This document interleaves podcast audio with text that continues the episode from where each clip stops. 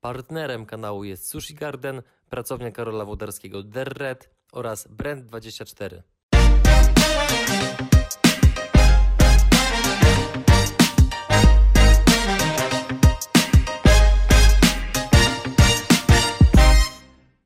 Co się dzieje? To już. Cześć Greg. No cześć, co tam słychać? Zacznijmy może od tego, żeby karmiąc wyszukiwarkę Google'a zadać pytanie, kim jest Greg Albrecht, gdyby ktoś wpisywał, a pewnie wpisują.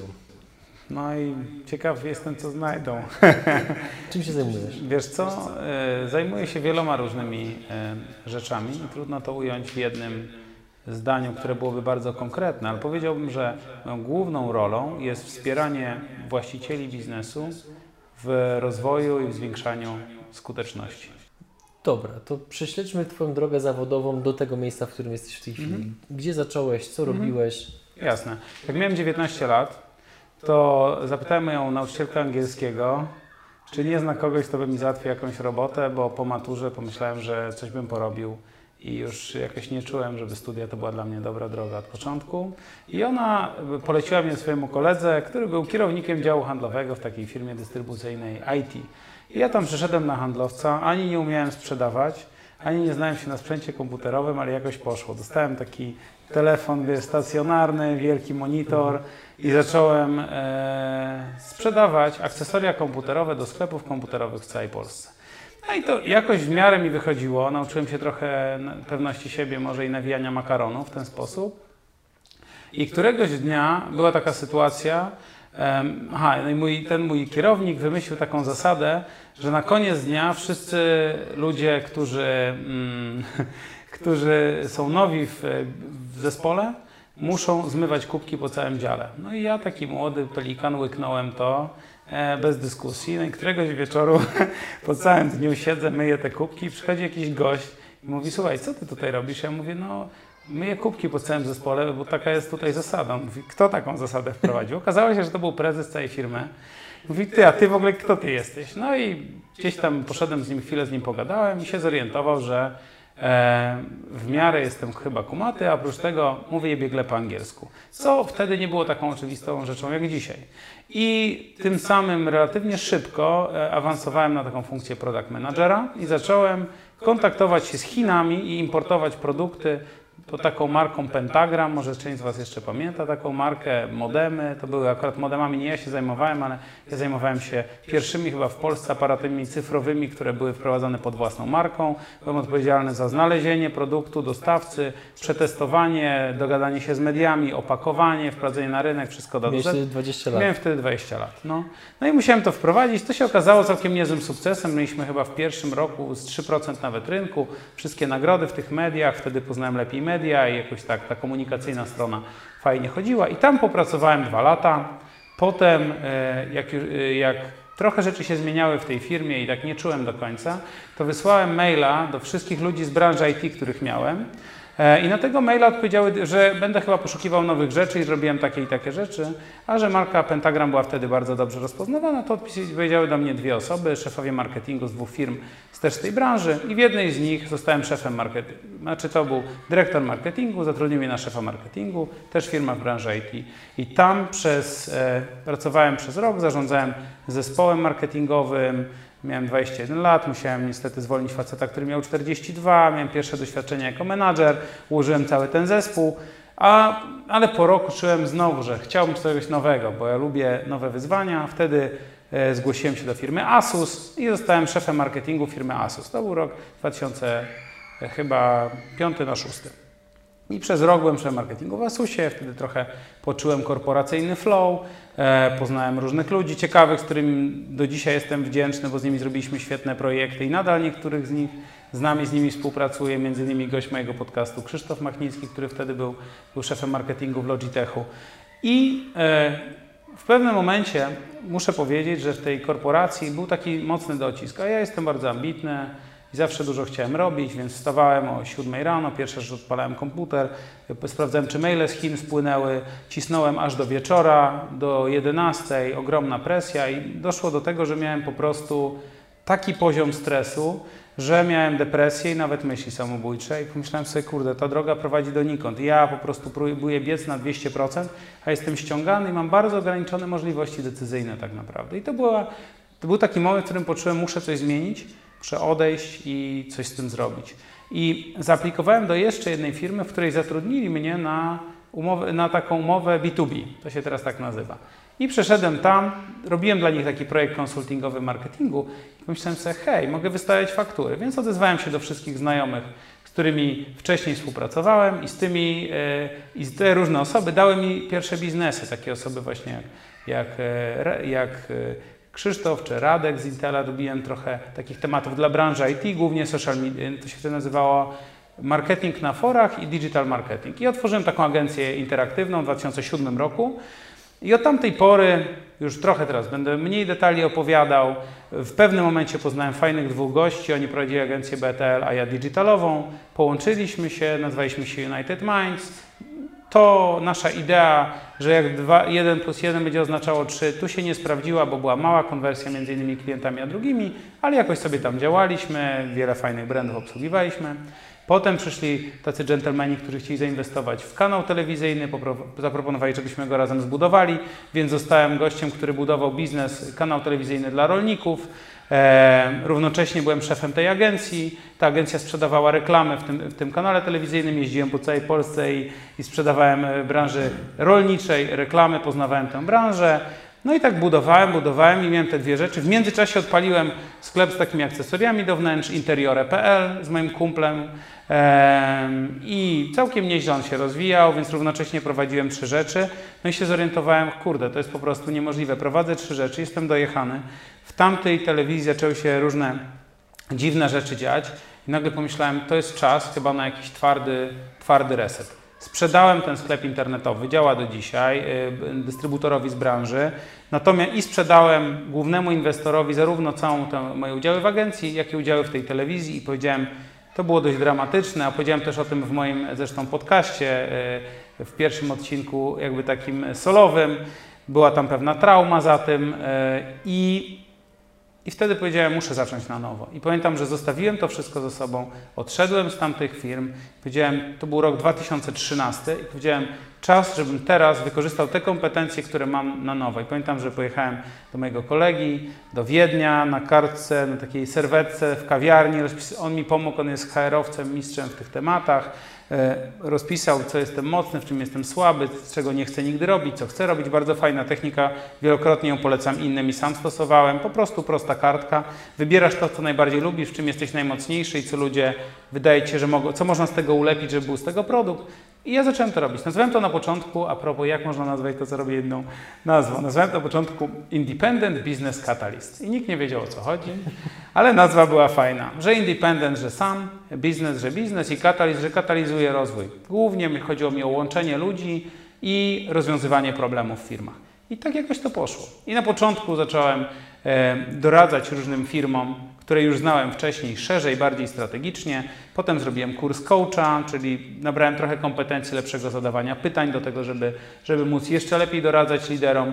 No i cały czas szukałem sposobów lepszych na to, żeby pomagać ludziom, bo czuję, że to, jest to co jest celem i jakby wartością w moim życiu, to jest jak ja mogę stać za kimś i pomóc mu, żeby był bardziej skuteczny, ale równocześnie, jak to mówię, nie zwariował, czyli żeby nie pracował tak jak ja kiedyś, bo wiem jak to jest, tylko żeby jednak wysypiał się te 8 godzin, żeby uprawiał sport, żeby zadbał o jakiś w miarę balans, przy tym równocześnie będąc bardziej skuteczny. No i dzisiaj z tych rzeczy, które zrobiłem, e, Dziś przez przypadek wyszło to, że zacząłem występować publicznie bo na początku robiłem to, żeby po prostu promować swoje usługi, ale po wielu wystąpieniach na bezpłatnych konferencjach przychodzili do mnie klienci i mnie zapraszali do firmy. Pomyślałem, kurczę, może to sproduktyzuję. I tak krok po kroku zacząłem sprzedawać to jako, też jako produkt. Natomiast to, co robię, a czego tak bardzo nie widać, bo nie bardzo mogę o tym dużo mówić, to jest praca z właścicielami firm, analiza ich firm, znajdowanie słabych stron. Zazwyczaj to są dwa scenariusze. Jeden scenariusz,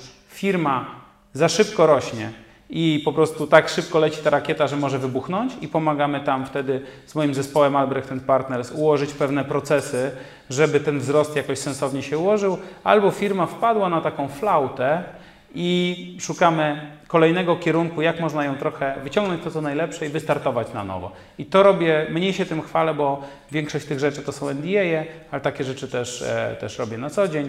Oraz jestem e, partnerem w funduszu Data Ventures, więc sporo pracuję ze startupami i pomagam inwestować w startupy, czyli to jest też dodatkowe narzędzie dla founderów, po prostu dostarczenie kapitału.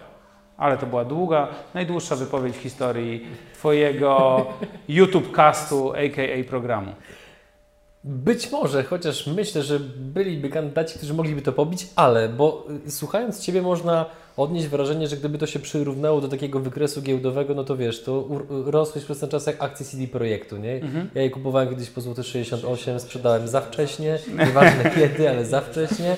E, natomiast zanim porozmawiamy trochę więcej o tych sukcesach, to te trudne momenty, bo wspomniałeś mhm. i, i o depresji, e, i o tym, że potem, zakładam, że ten, to było trochę później, jak już sprzedałeś wszystko, tak żeby mm. wyczyścić. Mm. Czy mógłbyś trochę więcej o tym opowiedzieć, jak do tego doszło, jak sobie z tym poradziłeś, bo też widziałem wpis u Ciebie na Facebooku, e, który momentalnie polubiłem, żeby pomóc algorytmowi, bo zgadzam się z tym, że o tym trzeba więcej mówić, że jest na pewno masa osób, która doświadcza takiego stanu, nie do końca wie, jak sobie z tym radzić, bo jednak jest chyba wciąż w Polsce takie trochę poczucie wstydu, żeby, że powiedzenie, że ma się depresję, czy jakąś taką mocną handrę, to jest takie, że facetowi to w ogóle nie przystoi, mm, nie? Mm. Czy mógłbyś coś więcej o tym powiedzieć? No świetnie, że, że o tym wspominasz. Ta stygmatyzacja w ogóle, um, uważam, terapii jest, jest ogromna, zupełnie niesłuszna. Osobiście uważam, że każdy, i mówię to z pełną odpowiedzialnością, każdy warto, żeby spróbował pójść do terapeuty i zobaczył, jak się z tym będzie czuł,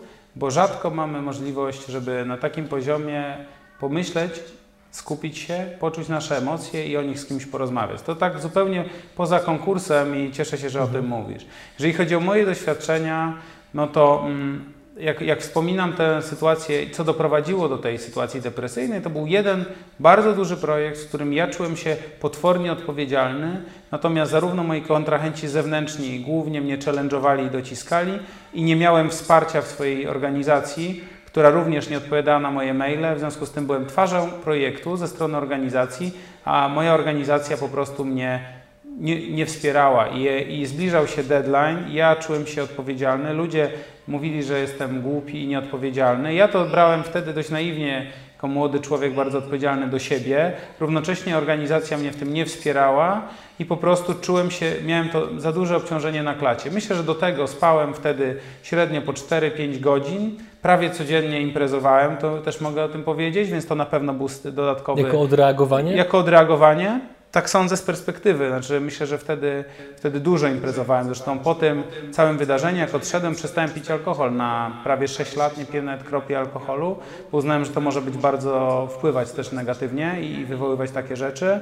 Myślę, że wiele czynników złożyło się w całość, która doprowadziła do takiego stanu, w którym czułem się fatalnie. To jest uczucie, w którym stajesz z łóżka, patrzysz w e, lustro i zastanawiasz się w ogóle po co ja żyje. Naprawdę zastanawiam się, kim jest ten człowiek i po co żyje. To się trudno to opowiedzieć, ale jak o tym opowiadam, to aż mnie ciarki przechodzą, bo pamiętam, jak się wtedy czułem. Co mi wtedy pomogło? Myślę, że pomogła mi rodzina, rozmowa z rodziną. Pomogło mi też jakiś system wewnętrzny, który pozwolił mi zidentyfikować, że po prostu, wiesz, dotknąłeś dna i trzeba się odbić, że czasem trzeba dotknąć dna, żeby się odbić. I wtedy jakoś sobie poradziłem bez zewnętrznego wsparcia z tym. Natomiast e, i, i, chyba po prostu poczułem się taki zmieszany z błotem i poczułem, że po prostu tak to dalej nie może wyglądać. I, i, I, wtedy pomogła mi rodzina, pomogło mi jakieś zewnętrzne spojrzenie, ale też złość. Moja złość mnie uratowała, bo gdyby była sama smutna depresja, to prawdopodobnie bym się nie podniósł, ale byłem zły na nich i ta złość pomogła mi ruszyć do działania. Uważam, że złość jest świetną energią, która może pozwolić gdzieś tam wyjść do przodu i nie zgadzać się na coś i, i zrobić kolejny krok.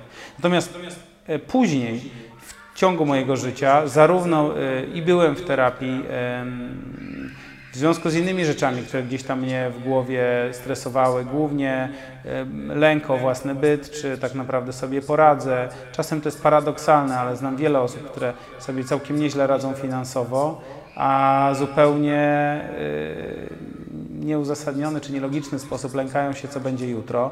Ja miałem też takie lęki, miałem dużo różnych lęków, z którymi sobie całkiem nieźle poradziłem e, w terapii. Później korzystałem z coachingu i w momencie, w którym byłem zaangażowany w tę spółkę, w swoją własną firmę i w tej mojej firmie okazało się, że moi inwestorzy no nie do końca byli tacy, no powiedzmy, mieli inny system wartości niż ja, żeby już tutaj nie robić jakichś wokół tego większych scen. E, ja uznałem, że ja po prostu nie mogę dalej firmować czegoś, co nie wierzę, oszukiwać siebie, klientów, pracowników, mojego zespołu, który był super, też tych inwestorów, moich wspólników, po prostu powiedziałem, muszę z tego odejść. No ale to łatwo powiedzieć, ale jak e, co miesiąc na Twoje konto spływa solidna kwota X, i masz trochę odłożone, ale nie masz większych alternatyw, to jest łatwo powiedzieć, ale trudno jest podjąć tę decyzję. Wtedy pracowałem e, z coachem Miłoszem Brzezińskim. Bardzo mi pomógł, e, uważam, wydobyć w sobie taką pewność do tego, że rzeczywiście są jakieś przyczyny moich powodzeń dotychczasowych w życiu, że to się nie wydarzyło przez przypadek i że prawdopodobnie, jeżeli wyskoczę do tego pustego basenu, na główkę, to będę potrafił sobie poradzić. I to nie było jesteś zwycięzcą, będziesz diamentem, dasz radę, tylko naprawdę bardzo profesjonalne pokazywanie pewnych ciemnych punktów w mojej głowie, pewnych rozwiązań i ja sobie sam uświadomiłem, jakie ja mam zasoby którymi sobie poradzę. I podjąłem, pamiętam tę decyzję z dnia na dzień. Nie spałem chyba wtedy dwa dni, żeby, znaczy z dnia na dzień, no dwa dni nie spałem, ale potem się zdecydowałem. Pamiętam, że złożyłem rezygnację ze stanowiska prezesa we własnej firmie, a następnie dążyłem do tego, żeby jak najszybciej sprzedać i pozbyć się tych udziałów i zacząć na nowo.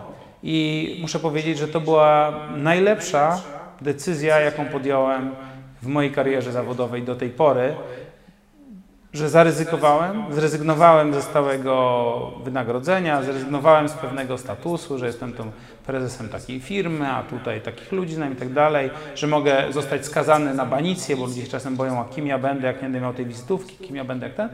Zrezygnowałem z tego i, i zobaczyłem świat na nowo. I jak nagle się wszystko oczyściło, to szanse różne, serio, różne możliwości zaczęły się po prostu pojawiać powoli.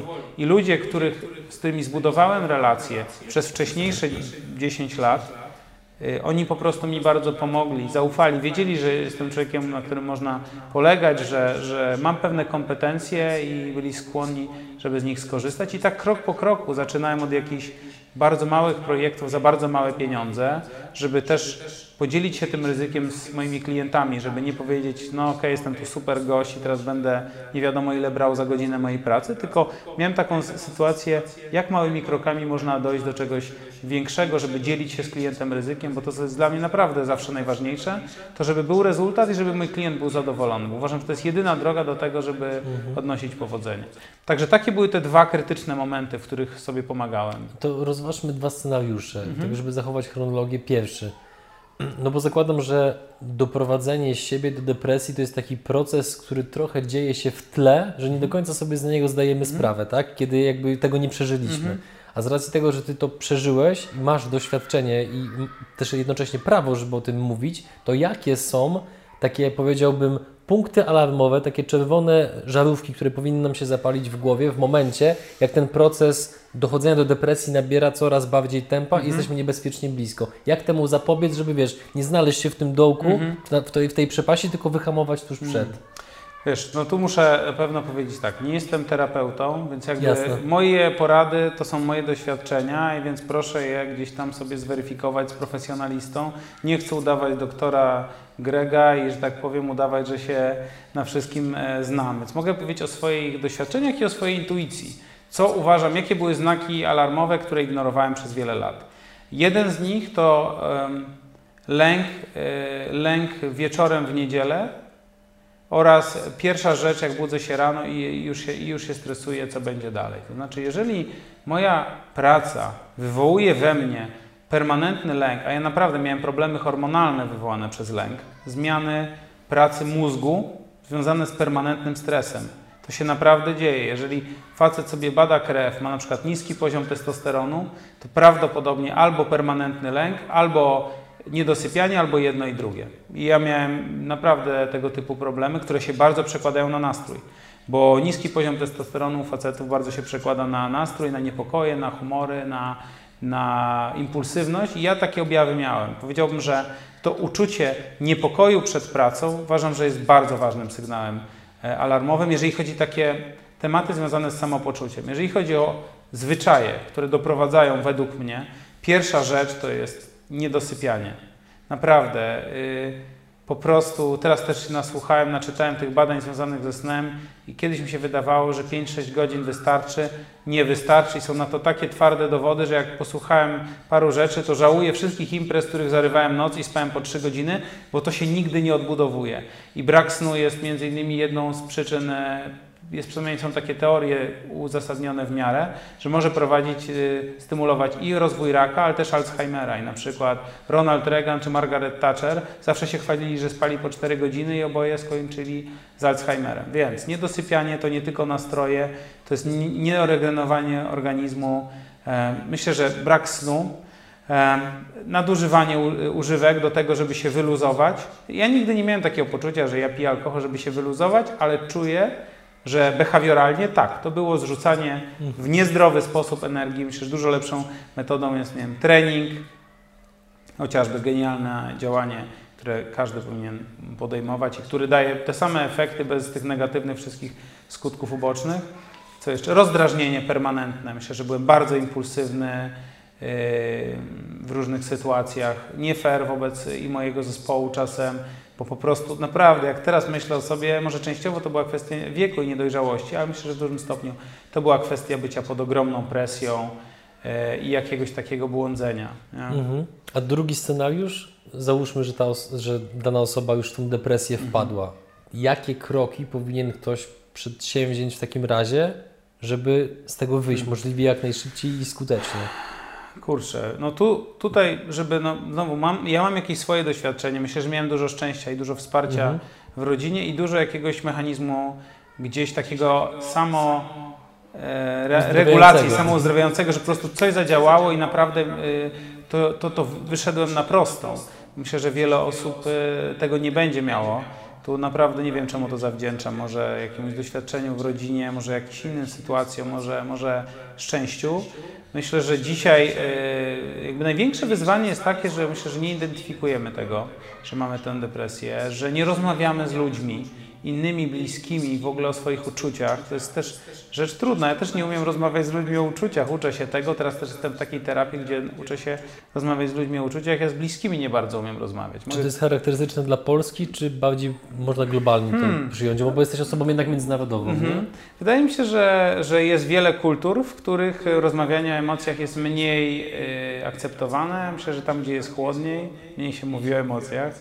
Aczkolwiek to jest też stereotyp, bo sądzę, że gdzieś to wychowanie gdzieś tam w Skandynawii jest na tyle e, solidne, że ludzie gdzieś bardziej rozmawiają o emocjach, mimo to, że często są, kultura jest raczej introwertyczna i taka, że ludzie są raczej zamknięci. Aczkolwiek odsetek samobójstw na przykład w Finlandii jest dość wysoki.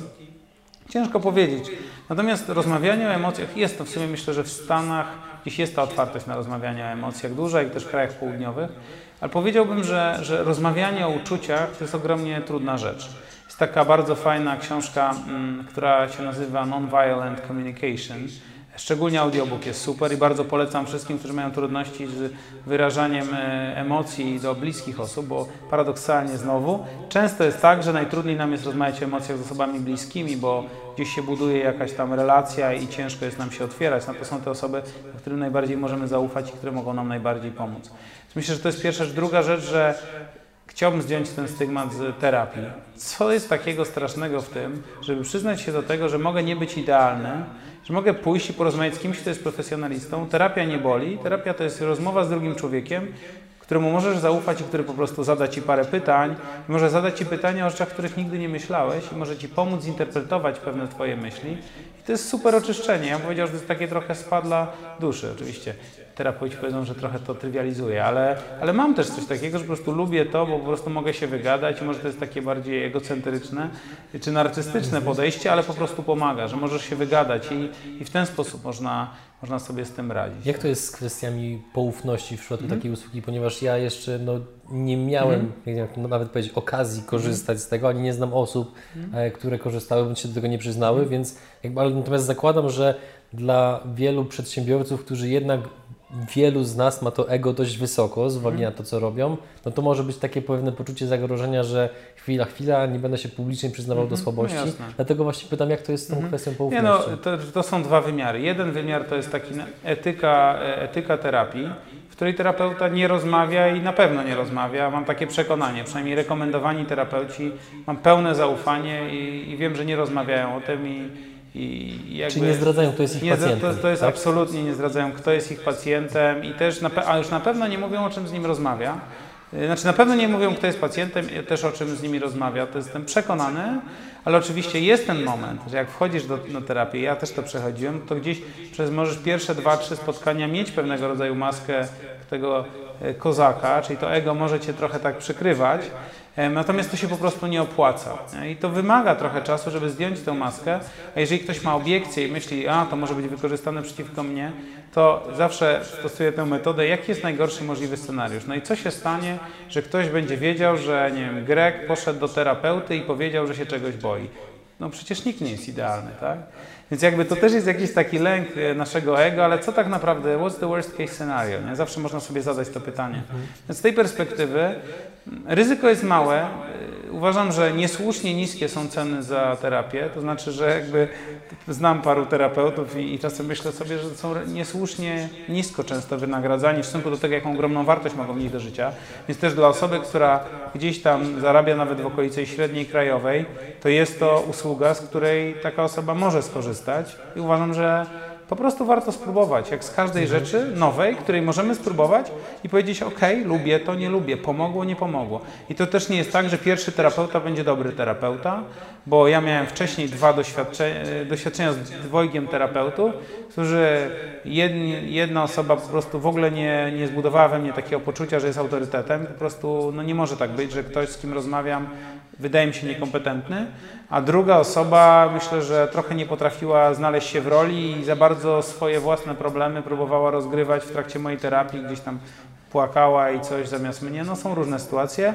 To są moje przeszłe doświadczenia sprzed nie wiem wielu lat, ale potem znalazłem z rekomendacji bardzo fajnego pierwszego terapeuta, z którym pracowałem, to się trochę wyczerpało i teraz pracuję w zupełnie innej metodzie, też z bardzo fajną terapeutką i, i i jestem bardzo zadowolony z tego, bo, bo wiele dziwnych rzeczy, które rodzą się w naszych głowach, możemy je albo podzielić się z kimś, czasem nam jest trudno, albo w sobie stłamsić i one nie znikają, kiedy je stłamsimy. I jakby idea jest taka, co możesz zrobić, żeby powiedzieć o tym komuś i samo powiedzenie pomaga, a jak powiesz i ktoś pomoże Ci to zinterpretować albo zada Ci po- pogłębiające pytanie, może Ci po prostu pomóc. Jak często korzystasz z takiej terapii obecnie? Hmm. I druga część pytania, bo powiedziałeś już, co należy w pewien sposób robić, co należy monitorować, żeby od tej, tej depresji, wypalenia zawodowego się troszeczkę ustrzec. Natomiast, no, no właśnie, czy są jeszcze jakieś inne elementy, które w tej chwili traktujesz jako taką, powiedzmy, e, cykliczną szczepionkę, żeby właśnie zachować ten balans? No bo jak się z Tobą rozmawia, czy przed kamerą, czy poza kamerą,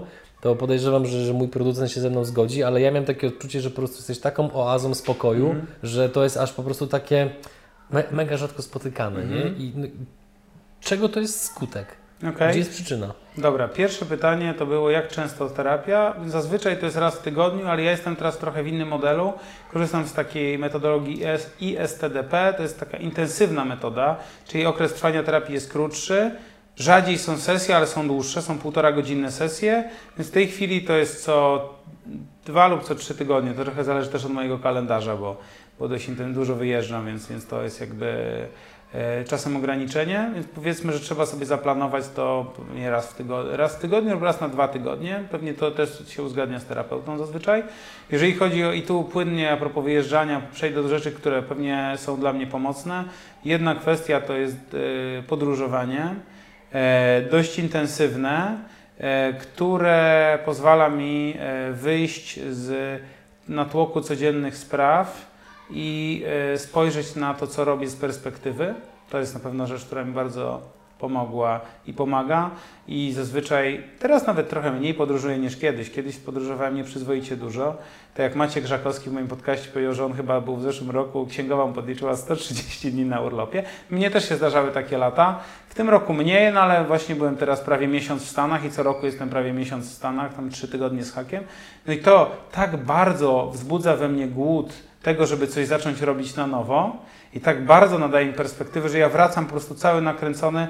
Słuchajcie, mam tyle pomysłów do tego, e, co chciałbym teraz zrobić, że po prostu czuję, że czasu nie starczy. To jest rzecz, która daje bardzo fajnie, czyli dystans, każdy dystans. Terapeuta to jest dystans, rozmowa z drugim człowiekiem to jest dystans, urlop to jest dystans. I taki dystans y, codzienny, przez pewien czas codziennie praktykowałem medytację. Zacząłem, też, e, też o tym pisałem, e, o pierwszych studniach medytacji, e, mogę też wspomnieć, Greg Albrecht i o łamane na medytacja. Tam jest ten mój tekst, który przeczytało bardzo dużo osób i chyba ze 100 osób do mnie napisało, że dzięki Greg, dzięki Tobie zacząłem medytować. Medytacja to jest bardzo prosta rzecz. Siadasz, zamykasz oczy i słuchasz swojego oddechu. I na początku monkey mind, po prostu twoje myśli cię bombardują i mówisz, ja pierniczę. Jak ten umysł przestanie pracować, bo twój umysł cię terroryzuje i mówi, hej, jak przestanę pracować na chwilę, to umrzesz. Ale to twój mózg mówi ci, że twój umysł ci mówi, bo on tobą rządzi, tak? Ale jak, jak przestaniesz go słuchać, zaczniesz słuchać swojego ciała, to zaczynasz zauważać oddech. I to była dla mnie droga do pozbawienia się, pozbycia się permanentnego niepokoju, permanentnego lęku.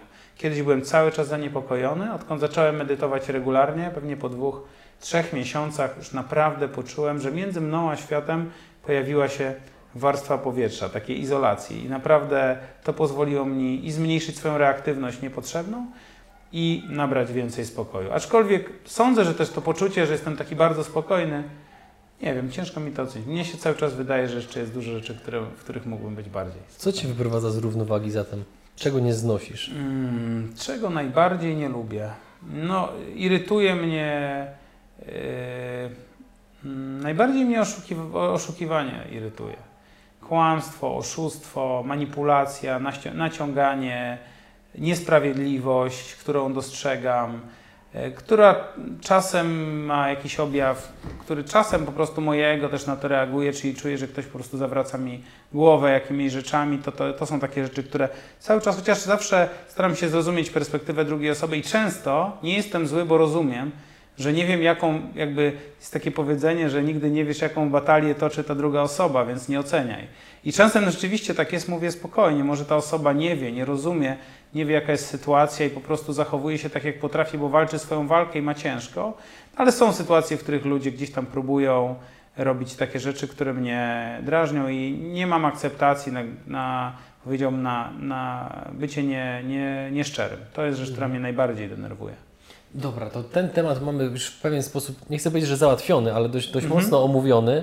E, natomiast z racji tego, że według e, Analyticsa na YouTubie spora część tej widowni mojego programu to, jest, to są osoby w wieku 18 do 34 mhm. roku życia, to chciałbym, żebyśmy troszeczkę porozmawiali o Twoim warsztacie pracy, właśnie kiedy był ten okres między powiedzmy tym 19 e, rokiem życia a obecnym, mhm. który pozwolił tak gwałtownie rosnąć. Mhm.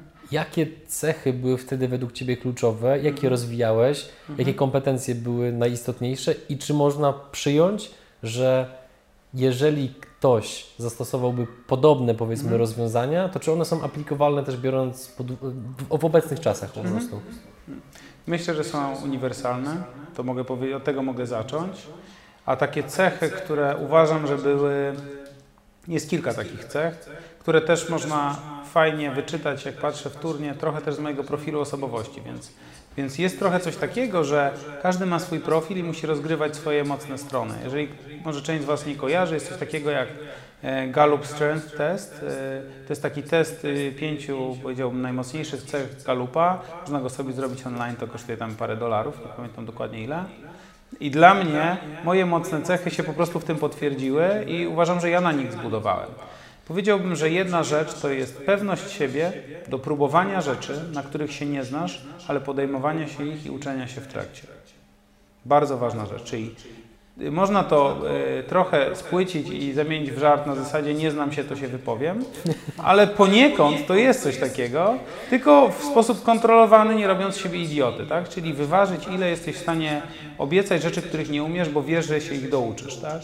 To jest bardzo ważna rzecz. Czyli nie siedźmy w strefie, ta strefa komfortu, która jest tak wyświechtana, że mi się samemu niedobrze robi, jak to mówię, ale, no ale nie, siedzieć w strefie, nie siedzieć w strefie komfortu, czyli jakby, czyli jakby podejmować się zadań, na których się nie znasz, bo mówię, Michael Jordan, jak, jak zaczynał, też nie umiał rzucać za trzy punkty, powiedział, że tam 15 tysięcy razy nie trafił, nie? Więc to jest normalne, że jeżeli coś chcesz zrobić, no to zacznij próbować. To na pewno była duża cecha. E, pewnego rodzaju pewność siebie w podejmowaniu się rzeczy, na któ- których do końca nie umiałem, ale wierzyłem, że się ich nauczę. I to była jedna istotna rzecz. Druga Tutaj, rzecz, tutaj przerwę, Mhm. bo ja to, to, to jak najbardziej rozumiem się nawet pod tym podpisuję obiema rękoma, ale Mhm. dla kogoś, kto jest introwertykiem albo w ogóle powiedzmy boi się w pewien sposób Mhm. konfrontacji ze światem, jak taką cechę można wypracować? Czyli Mhm. co jest jeszcze niżej, tam głębiej? uważam, że to, co jest pod tym e, i co jest w ogóle podstawą wszystkiego, to jest postawa. Jakby dzisiaj, jeżeli na przykład pracuję z ludźmi i poznaję ludzi, to e, jakby przy rekrutacji wydaje mi się, że jest jedna rzecz, która jest, którą jest trudno, której trudno się nauczyć i zmienić w krótkim te- terminie i to jest postawa. Jeżeli ktoś ma postawę taką, że bierze odpowiedzialność, podejmuje, dowozi to, cze- czego się podejmie, e, potrafi zainwestować swój czas bez myślenia od razu o swojej krótkoterminowej korzyści, to jestem przekonany, że może dużo więcej zbudować niż osoba, która tych cech nie ma. I, I jakby osoby najciekawsze w moim otoczeniu, czy takie, które też przecież rozmawiam z wieloma osobami, które mają dużo większe osiągnięcia niż ja też. Nie stawiajmy mnie tu w roli jakiegoś mega guru, bo, bo, bo, bo tak nie jest. Jakby Jest wiele osób fantastycznych, które miałem przyjemność poznać i które widzę, jak działają. To jest po prostu postawa. Myślę, że y, elementem tej postawy, poza tą pewnością siebie, skłonnością do inwestowania swojego czasu w rzeczy, które nie wiadomo, czy wypalą, y, do tego, żeby uczenia się rzeczy, których nie znam, jest też y, wspieranie innych ludzi i w ogóle nastawienie na pomaganie innym osobom i budowanie relacji z innymi ludźmi. I to nie musi wcale być osoby bardzo ekstrawertyczne. Dlatego, że znam osoby, które są introwertyczne, ale potrafią zbudować relacje przez swoją taką, to może będzie dziwnie to brzmi po polsku, jak się tłumaczę, taką służebną postawę. To brzmi bardzo może brutalnie, ale chodzi o to, żeby nie bać się schować ego do kieszeni i komuś pomóc. I są takie osoby, które ja niesamowicie cenię, które bardzo mi pomagają, które wcale nie, nie mają ekstrawertycznej takiej. Zresztą ja z natury wcale też nie jestem ekstrawertykiem, może zacznijmy od tego. Ja zasadniczo większość dnia się nie odzywam. Wypowiadanie się takie jak tutaj kosztuje mnie bardzo dużo energii, wypowiadanie się na scenie kosztuje mnie dużo energii i zasadniczo nie jestem gadułą, chociaż można trudno to ocenić. Więc mit ekstrawertyka uważam, że jest zdecydowanie przereklamowany. Natomiast znam fantastyczne osoby, które są introwertyczne, które nie są showmanami, po prostu potrafią zrobić ten jeden krok więcej. E, Świetny człowiek, e, z którym współpracuję i chętnie mu tutaj dam kredyt, to jest Grzegorz Bieniecki, który zajmuje się montażem mojego podcastu. To jest człowiek, który po prostu za każdym razem wykracza poza tę robotę, którą, na którą się umówiliśmy, przekazuje mi mnóstwo świetnych inspiracji, pomysłów, co mógłbym zrobić lepiej. To nie jest jego praca w ogóle, tak, bo w sumie płacę mu za poskładanie podcastu. I wcale to nie jest człowiek, który by gdzieś się lansował. Myślę, że jego powodzenie wychodzi z jego świetnie zrobionej pracy, z jego pomagania, z jego wspierania, z jego po prostu postawy i za co jestem mu bardzo wdzięczny. Uważam, że jest niesamowity. I wcale to nie jest typ e, gdzieś tam showmana, po prostu świetny rzemieślnik, człowiek, który robi świetnie swoją robotę i zawsze robi odrobinę więcej niż w cudzysłowie klient, czy szef, czy ktoś, e, kto e, oczekuje, w zależności od relacji. Próbuje złapać rzeczy, które leżą na stole. Co mam na myśli? Jest problem, nikt się nie chce podjąć. Bardzo często, niestety, w organizacjach, w których jest słaba kultura, rzucasz temat i piłka leży na stole. Wielokrotnie miałem takie doświadczenia, prowadziłem jakiś warsztat w firmie, jest temat, wszyscy mówią tak, zróbmy, to kto zrobi, wszyscy odwracają wzrok. To osoba, która weźmie tę piłkę i to zrobi, wygra. Po prostu. Czyli te elementy budują pewność siebie, na której potem można budować dalej, bo też w ogóle przez... Ja już słyszałem jakby te słowa, ale wypowiedziałem trochę w inny sposób przez takiego człowieka, który niech jego imię i nazwisko pozostanie jeszcze tajemnicą, ale ma wystąpić w moim programie, jesteśmy już nawet umówieni wstępnie na termin. Ma około mniej więcej chyba 30 lat, jak dobrze pamiętam. Niezwykłe osiągnięcia na rynku ubezpieczeń, głównie jakby skupia się na e, segmencie premium, między innymi ostatnio e, w segmencie klienta premium. Ostatnio opowiadał mi właśnie o tym, jak, e, nie wiem jak to się skończyło, ale jechał negocjować kwestię ubezpieczenia wyspy na Seszelach. Mhm. To jest mniej więcej taka gdzieś tam powiedzmy skala wyzwań i on też powiedział, że właśnie ma taką, takie nastawienie, że jak jest jakiś bardzo trudny temat, to przyjmijmy ubezpieczeniowy, bo raczej tylko na tym, się, na tym się skupia, to stara się uczyć właśnie w biegu, że nawet jak jeszcze nie wie, jak go zrobić na samym początku, no Mhm. to, no żyjemy w takich czasach, gdzie jest era informacji, no i to ciężko jednak nie znaleźć odpowiedzi na, na, Mhm. na pytanie, które masz. Okej, co oprócz jeszcze tej pewności siebie warunkowało tak mocny Mhm. wzrost w Twoim przypadku? E, Myślę, że e, spójność wewnętrzna z wartościami i to nie było od początku, tak? To znaczy na początku nie wiedziałem, jakie są moje wartości oraz muszę też powiedzieć, że czasem chodziłem na jakieś kompromisy w stosunku do swoich wartości. To nie oznacza robienia rzeczy nie wiem, nielegalnych, bo to może dziwnie brzmieć, ale nawet, nie wiem, naginania się do klienta czasem w sposób, który na przykład był niezgodny z moimi wartościami. Robienia rzeczy, których też, których ja nie czułem za bardzo. E, czy, czy po prostu odchodzenia od tej takiej wewnętrznej spójności. Myślę, że spójność i przewidywalność w długim terminie buduje zaufanie i buduje renomę. To znaczy, jeżeli ludzie Cię widzą przez wiele lat i wiedzą, że coraz więcej osób mówi o Tobie dobrze, to, to wygrywasz. Tak? A to, to nie chodzi o to, to czy będziesz wstawiał 15 selfie na Facebooka, czy nie, nie zbuduje prawdziwej renomy. Tak? Zbuduje rozpoznawalność, ale renomę zbuduje to, co się wydarzy, kiedy zrobisz 15 selfie, ktoś Cię zaprosi na rozmowę kwalifikacyjną, czy kupi Twoją usługę, jak dowieziesz, jakie będzie miał odczucia, jaką wartość wniesiesz.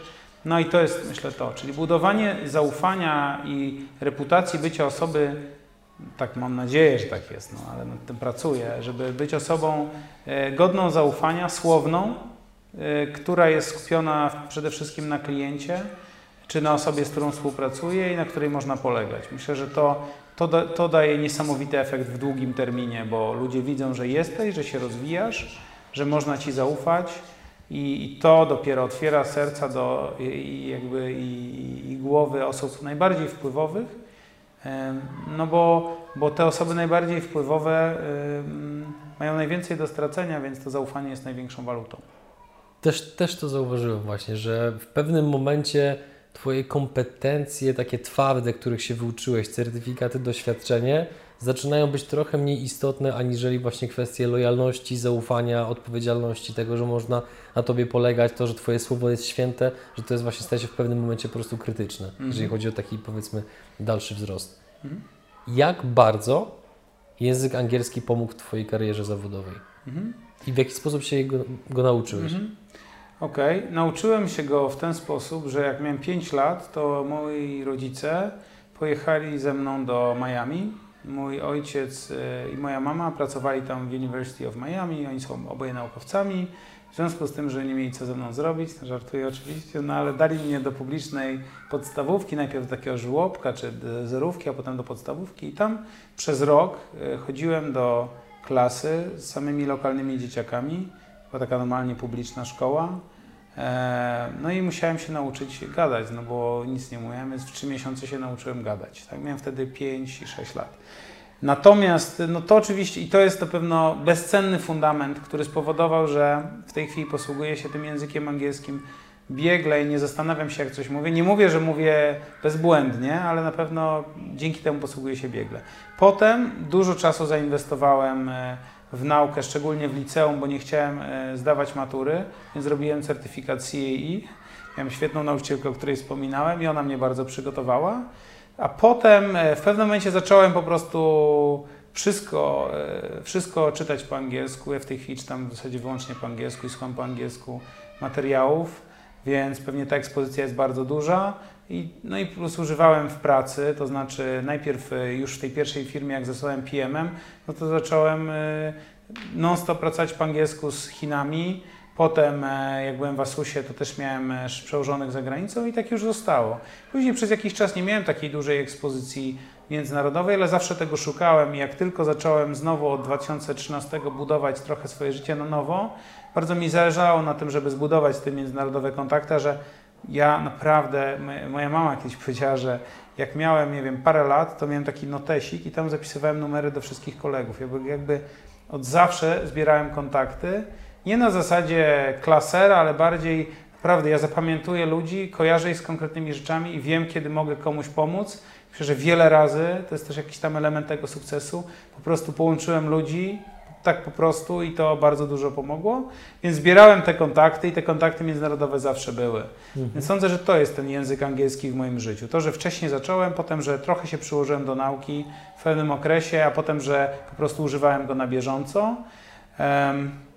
Mm, to chyba to. Jak mi pomógł w karierze? No, y, y, pa, w paru punktach na pewno mi pomógł. No, zostałem tym PM-em w tamtej firmie. To były inne czasy. To był 2003, 2003 rok, więc to było 15 lat temu.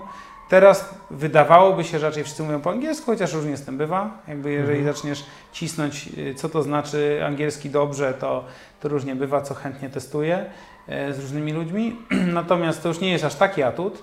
Ale na pewno e, przydało mi się to wiele razy, bo prowadziłem wiele wystąpień publicznych dla klientów międzynarodowych za granicą. Teraz w poniedziałek prowadziłem całe warsztaty, pomogłem zorganizować całą treść i, i, i przebieg warsztatów pierwszego globalnego zlotu takiej e, marki koreańskiej Gion we Frankfurcie, gdzie byli ludzie z sześciu kontynentów, z 38 krajów. Ja to jakby pomogłem zaprojektować. Prowadziłem warsztat, prowadziłem speech. Miałem wystąpienia nie wiem, w różnych krajach e, za granicą, więc na pewno skomercjalizowałem to. Plus dodatkowo na pewno to, że mówię biegle po angielsku, e, pomaga mi być e, w kontakcie na poziomie równym z różnymi ludźmi z ekosystemu międzynarodowego.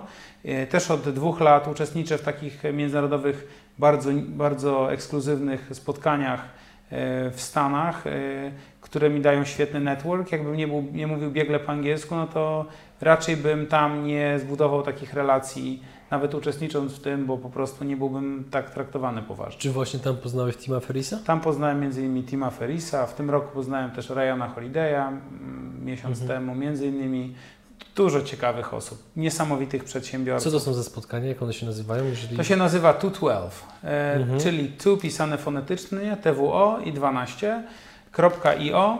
I to są takie spotkania mentoringowe. Na, program trwa 3 do 4 dni. E, przyjmują tylko 60 osób z całego świata. W tym roku 8 tysięcy osób aplikowało, przyjęli 60 osób.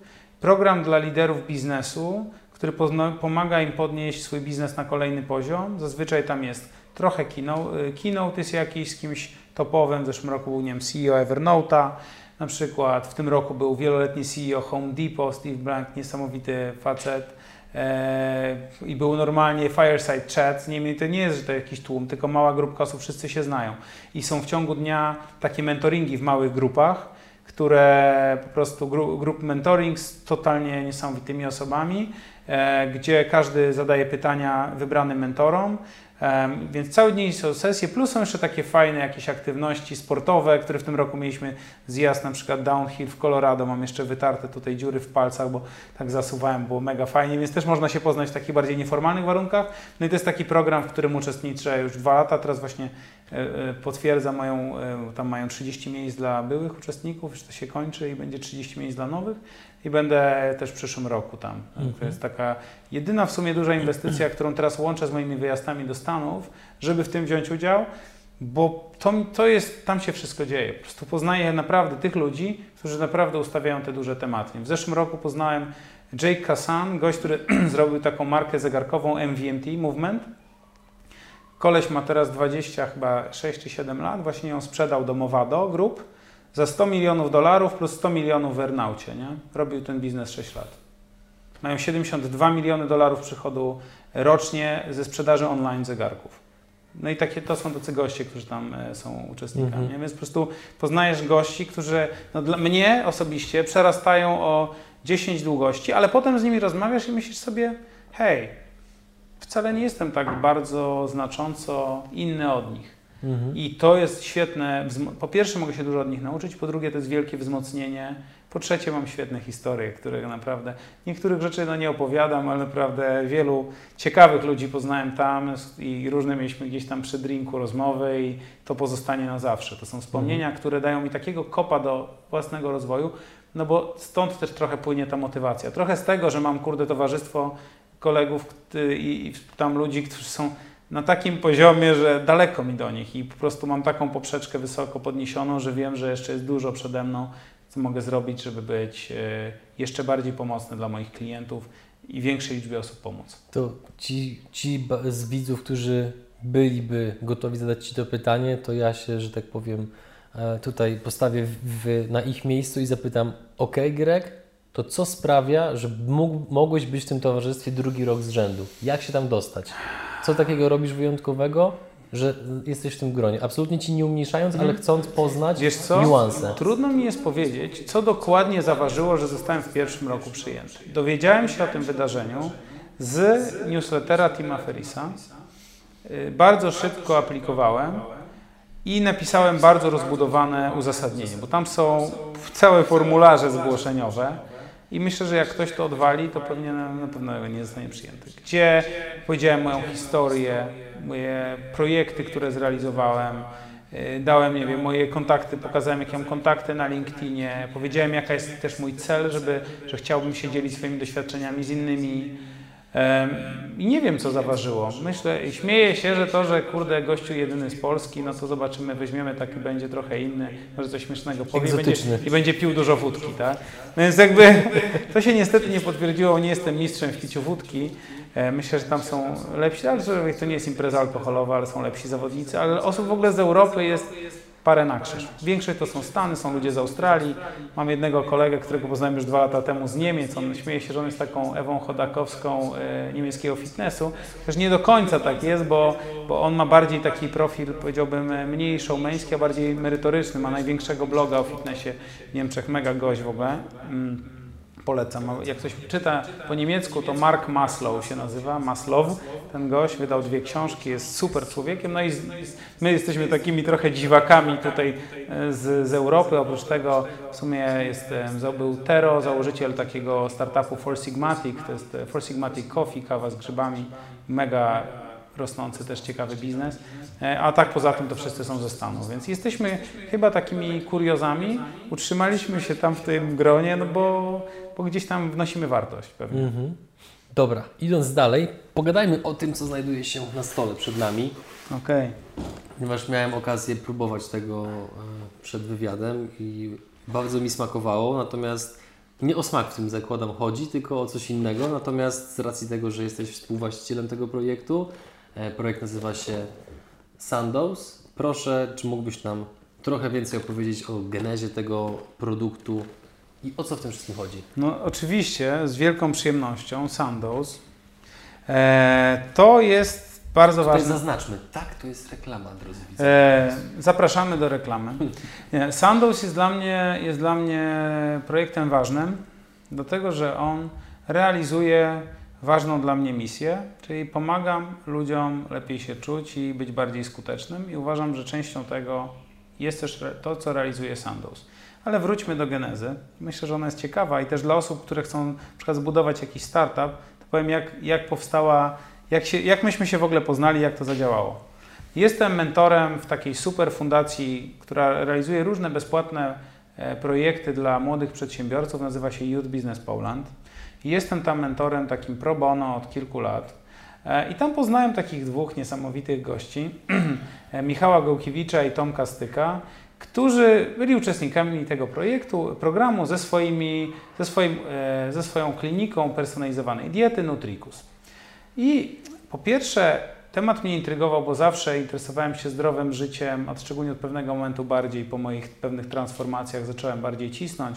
Miałem jakieś tam sportowe zapędy, które wymagały dobrego cieniowania się, żebym, żebym był w stanie szybko biegać i tak dalej. No więc mnie to zaintrygowało. Po drugie, sprawili na mnie wrażenie, mówię sobie, kurczę, niewielu ludzi tak mądrych, tak, o tyle młodszych ode mnie poznałem w swoim życiu. Jakoś strasznie chciałem z nimi działać, więc zaproponowałem, że będę ich trochę wspierał, ten Nutricus. No i zaczęliśmy trochę pracować nad strategią, nad takimi rzeczami, jakoś im pomagałem. I w trakcie tych rozmów wyszedł jeden duży problem. Ludzie chcą mieć spersonalizowaną dietę, mo- mogą za nią zapłacić, mogą ją kupić, ale i tak jej nie stosują.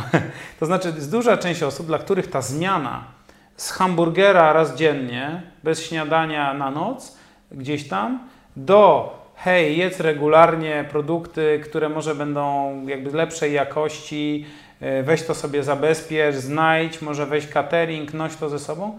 To jest jakby wejść, jakby dzisiaj siedzieć na krześle, a jutro wejść na Mount Everest. No i zaczęliśmy się zastanawiać, dobra, no to co można zrobić, żeby tym ludziom jakoś pomóc zmienić ten nawyk, chociaż odrobinę. I wymyśliliśmy, że tak. Zapytałem Tomka, bo on jest takim gościem od technologii, po medycynie. Mówię, co można zrobić, żeby ludziom chociaż trochę pomóc, jak jedzą to shitowe jedzenie, żeby było trochę lepiej. Mówi, trochę może pomóc, znaczy całkiem może pomóc, nie w 100% oczywiście, ale całkiem może pomóc przyzwoita suplementacja. Uzupełnić witaminy, niedobory, jakieś probiotyki, tak żeby ten organizm lepiej pracował. mówię, no dobra, no to jest ok, ale jak to teraz wygląda? No jest tak, że musisz brać to, nie, ludzie nie wiedzą, co mają brać, potem mają 78 pastylek, które muszą brać 6 razy dziennie, zapominają i też tego nie biorą. Co z tym możemy zrobić? I wtedy wpadliśmy na pomysł, hej, a może zrobimy spersonalizowany suplement? Totalnie, czyli każdy jeden człowiek dostaje zupełnie inny skład. Po drugie, żeby mógł wypić jedną saszetkę dziennie i mieć temat z głowy. No i to był świetny pomysł, natomiast zamiana świetnego pomysłu w rzeczywistość, no to było największe wyzwanie. No i tutaj e, pomogło nam trochę, e, myślę, szczęście, trochę osoby, które znaliśmy, które pomogły nam zestawić produkcję. Wielkie podziękowania dla Jarka między innymi, który nam bardzo pomógł to zorganizować. I wymyśliliśmy brand, i stwierdziliśmy, że to zrobimy. No to jest, to, jest, to jest tego typu projekt, co ludzie jak o tym myślą, myślą, że to jest po prostu nienormalne, że, że w ogóle jak to można zrobić. Ale dzięki temu, że, że chyba był dobry zespół ludzi, znaczy chłopaki są super. Nie wiem, czy ja tyle pomogłem, tyle ile potrafiłem, pomogłem do tej pory i nadal pomagam. Plus dołączył do nas Piotrek Smoleń, który jest no, niesamowitym człowiekiem, sam jest startupowcem po exicie, jak to się mówi brzydko, czyli, czyli zbudował biznes, który sprzedał i też jest inwestorem. E, jesteśmy we, we czterech takimi founderami tego biznesu i zamieniliśmy pomysł w rozwiązanie. Więc dzisiaj wchodzisz na stronę Sandoz.io, wypełniasz ankietę, to ci zajmie pewnie 10-15 minut i dostajesz rekomendacje, jakie suple przy Twoim trybie życia, przy Twoim trybie jedzenia, przy Twoich parametrach zdrowotnych, płci, żywienia, spania i innych objawach, które masz, jakie powinieneś brać suplementy. To trochę czasu zajmuje, ale warto to zrobić i za darmo dostajesz rekomendacje. I teraz możesz pójść do apteki i próbować sobie to wszystko zrobić. Polecam, ale jest to duże wyzwanie, szczególnie jeżeli chodzi o jakość tych suplementów i liczbę ich. Albo możesz kliknąć tam i dostać to w pudełku 30 saszetek w subskrypcji raz w miesiącu, wjeżdża do Ciebie, wypijasz rano i masz temat z głowy. To Kolejne pytanie, jakie mi się nasuwa, bo teraz jest taka dość chyba silny trend w ogóle w dietetyce i odżywianiu się, że patrzy się na te składy. Nie? Mhm. Ja zresztą sam to robię już od dłuższego czasu, moja narzeczona również, a za co jestem jej zresztą bardzo wdzięczny. I czy w tym, mówiąc bardzo brzydko i kolokwialnie, nie ma żadnego syfu? Jak no. to jest? Fajnie, że o to pytasz, bo nawet bym zapomniał, żeby o tym powiedzieć, a to jest ważne, bo bardzo nam zależało, żeby nie umieszczać żadnych tu mogę, nie jestem ekspertem od y, biochemii, więc jakbym coś przeinaczył, to przepraszam, ale można o tym też przeczytać na stronie. W uproszczeniu, żadnych substancji przeciwzbrylających, żadnych wypełniaczy, żadnych takich rzeczy nie stosujemy, e, bo y, smak jest też naturalny, bo nie chcemy żadnej chemii, która jakby mogłaby negatywnie wpływać na, na człowieka. Stosujemy mhm. składniki z najlepszych źródeł, zresztą mamy tutaj certyfikaty, które to potwierdzają. No i to, co możemy, robimy najlepiej, jak się da. No, nie wiem, co mhm. jeszcze mogę na ten temat powiedzieć. Staramy się to zrobić w taki sposób, żeby to było jak najbardziej naturalne. Tylko niektóre z tych substancji nie są pozyskane z roślin, ale dlatego tylko, że jakby miały być pozyskane w takim natężeniu, to ten produkt kosztowałby po prostu tyle, tu nie chodzi o nasz zarobek, chodzi o koszt wyprodukowania. Uwierzcie, że wyprodukowanie tego produktu indywidualnie naprawdę dużo kosztuje. E, nawet i mamy naprawdę bardzo dobre składniki i wiele z nich jest organicznych, ale niestety nie wszystkie, nie wszystko się da mhm. zrobić organicznie, natomiast e, to nie są rzeczy, które by gdzieś tam szkodziły zdrowiu.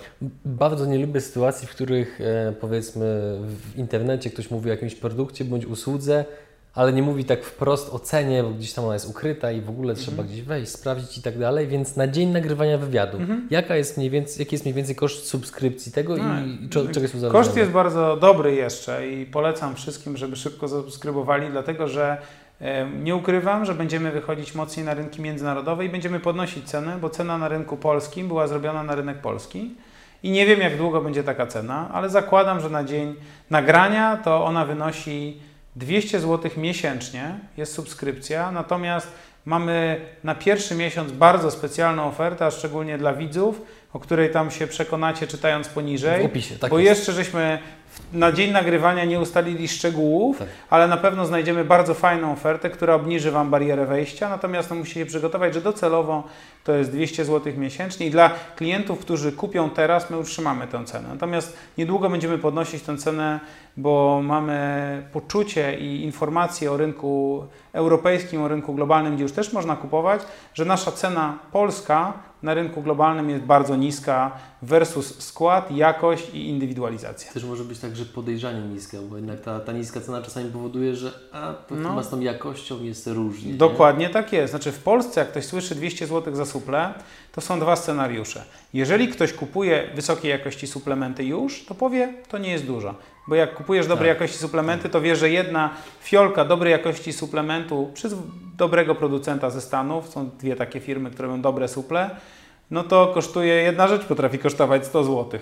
Więc nagle się okazuje, hej, ja pamiętam, że płaciłem za suplementy ze 400 zł miesięcznie i to wcale nie jest dużo. Ale jak ktoś do dzisiaj kupował multivitaminkę w aptece za 30 zł, no to powie, że to jest horrendum. Więc trzeba być mentalnie przygotowanym, że to nie jest produkt masowy, to jest produkt zindywidualizowany i żadna multivitaminka nie zawiera tego wszystkiego, co tu jest. To są 34 substancje, aż do 34 substancji, w tym e, nie wiem, witamina D3, która jest bardzo ważna i nie jest wcale bardzo tania, czy e, mm, kwasy omega-3, konieczne dla regeneracji mózgu, też wcale nie są tanie i to dodatkowy wydatek, nie ma ich nigdy w multivitaminie.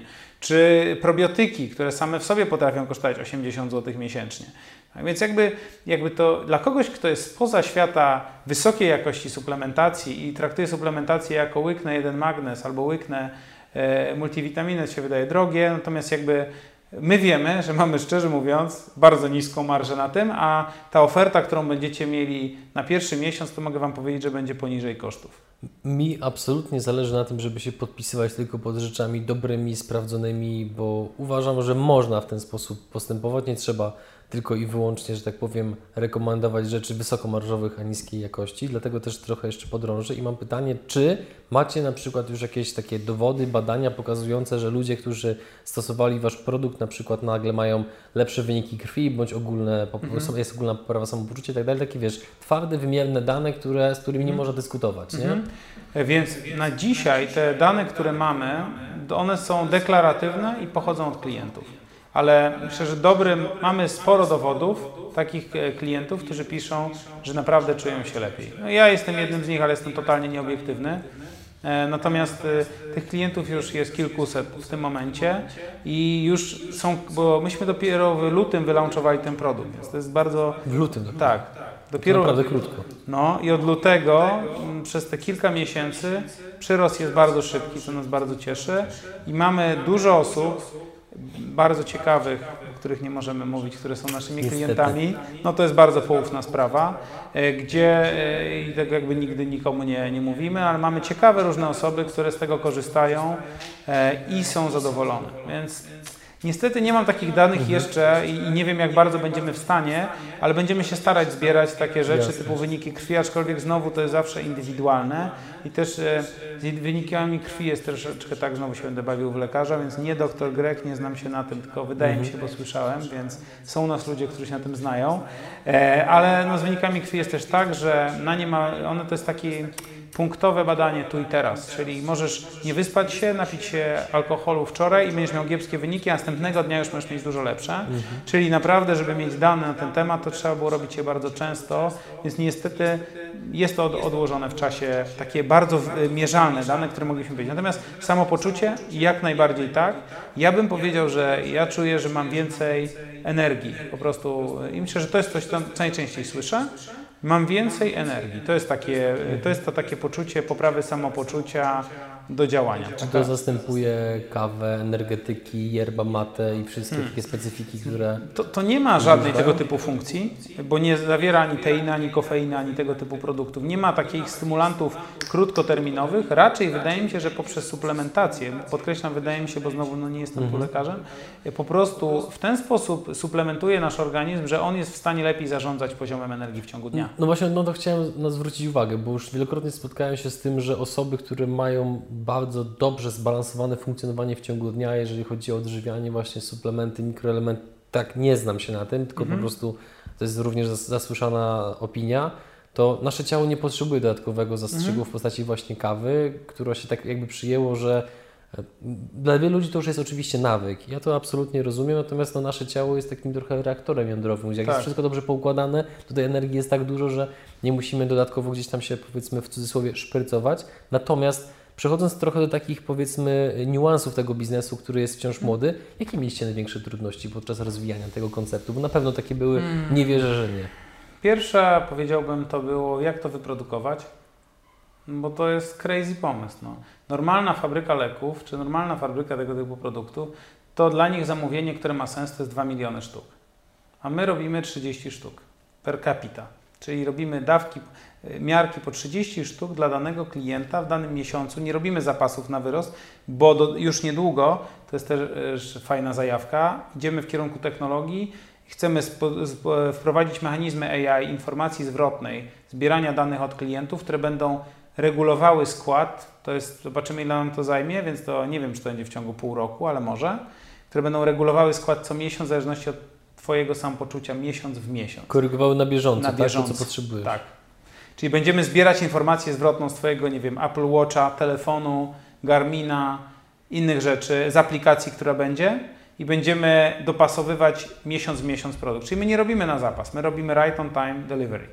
Więc zrobienie produktu, który będzie równocześnie spełniał standardy farmaceutyczne, bardzo wyżyłowane, ISO, e, związane z certyfikacją, a równocześnie, który będzie mógł być wykonywany w takiej małej liczbie, to było mega wyzwanie i tu pomógł nam e, kolega, który e, jest w firmie farmaceutycznej, powiedziałbym no, pośrednio współwłaścicielem i po prostu pomógł nam zaprojektować. Myśmy zbudowali własne algorytmy, cały software napisaliśmy, który zastęp, zamienia algorytm analityczny na składniki, na linię produkcyjną i drukuje takie etykiety, które są pod spodem, które zawierają wszystkie dane o składzie indywidualnej mieszanki dla indywidualnej osoby, bo musimy to zgłosić jeszcze do GIS-u, do Głównego Inspektora Sanitarnego. Każdy jeden produkt musimy zgłosić jako oddzielny suplement, bo ma inny skład. W ogóle to jest kosmos. Czyli mam nadzieję, że zbudowaliśmy w miarę barierę wejścia dla konkurencji, bo to nie jest wcale takie proste. To było duże wyzwanie. Chłopaki są po prostu niesamowici. Ja najmniej, szczerze mówiąc, w tym uczestniczyłem.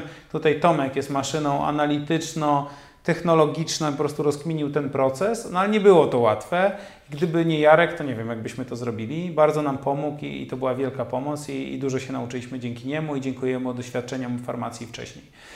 Potem kolejne wyzwanie mm, to na pewno, i to nad tym nadal pracujemy, nie ukrywam, w jaki sposób lepiej pokazać e, komuś benefity bez e, ściemniania.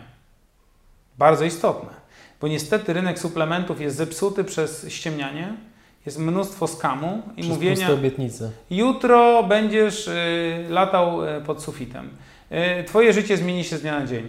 Nie, nic co działa nie zmienia się z dnia na dzień. Uważam, że żeby mieć fajne efekty, to trzeba brać ze, trzy- to ze 3 miesiące. To się nie robi overnight. Ja miałem szybciej, moim zdaniem, takie poczucie wyniku, ale mówimy raczej klientom, wiesz, przygotuj się na 3 miesiące, bo to jest organizm, to jest żywy organizm, który potrzebuje, nie uzupełni się z dnia na dzień, to nie jest magiczna pigułka, a niestety wiele suplementów, więc jest e, duży brak zaufania do suplementów, ich jakości, ich działania i nad tym cały, ich benefitów. Nad tym cały czas pracujemy i było sporo wyzwań z tym i jest trochę sceptycyzmu, ale na szczęście udowadniamy to pokazując dane, e, badania i myślę, że to są rzeczy, które działają.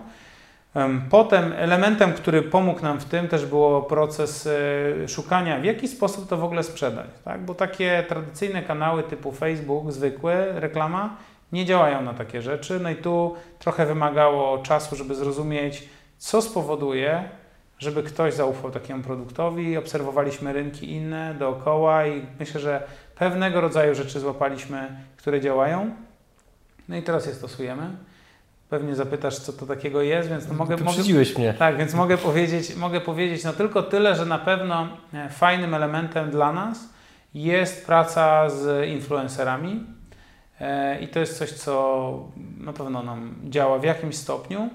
E, I mamy fajny system, bo to nie jest taki model, w którym gdzieś tam płacimy ludziom kupę pieniędzy, żeby napisali, tylko bardziej pokazujemy ludziom te produkty, dajemy im spróbować i pozwalamy im napisać to, co uważają. Myślę, że mamy trochę inne podejście niż duże brandy, które mają kupę kasy i tam tu sypną piątkę, tu dychę i tam coś się pojawi nagle w odcinku. My mamy inne podejście, raczej mówimy weź spróbuj, zobacz, czy to działa, czy jesteś zadowolony i możesz ewentualnie o tym opowiedzieć swoim słuchaczom, czy swoim no Instagram na przykład jest, jest fajnym kanałem, którego sam nie umiem za bardzo obsługiwać, ale na szczęście ekipa Sandowza bardzo dobrze to robi. E, więc, więc to było takie, myślę też wyzwanie, czyli zbudowanie tego przekonania. No i trzecie wyzwanie, to jest permanentne wyzwanie, kiedy robisz startup, to jest skąd wziąć kasę. No właśnie, skąd są, wzięliście kasę? No, trochę z naszych kont, e, trochę z programu e, takiego innowacyjnego w województwie lubelskim, gdzie firma funkcjonuje, bo chłopaki są z Lublina. Tam dostaliśmy taki program na badania i rozwój. Potem kolejny Startup Spark, y, y, też taki wspierający startupy, też dostaliśmy trochę na wzrost, mega wsparcie z ich strony, super, więc szukamy alternatywnych źródeł finansowania. Oprócz tego mamy już na, y, na koncie paru fajnych aniołów biznesu, którzy też dołączyli do, naszego, do naszej ekipy, no ale pozyskanie aniołów biznesu to też są relacje, to jest zaufanie, którzy tam wrzucili niemałe już z perspektywy zwykłego, normalnego Kowalskiego kwoty w ten biznes. Możemy powiedzieć, jakie to są kwoty? No potrafi bardzo? jeden anioł może wrzucić 100-200 tysięcy złotych, tak? No, mhm. To jest duża niewiadoma tak naprawdę i mamy osoby, e, które weszły, to już nie będę mówił kto na jakie kwoty czy jak, ale są osoby, które nas bardzo wspierają e, z branży i to, jest, I to są rzeczy, które w tej chwili nadal jeszcze domykamy taką rundę, rundę angelową, więc jakby są jakieś ciekawe osoby, które by chciały dołączyć, tylko nie chcemy brać, tak powiem, byle kogo, tylko osoby, które mogą nam pomóc w rozwoju produktu.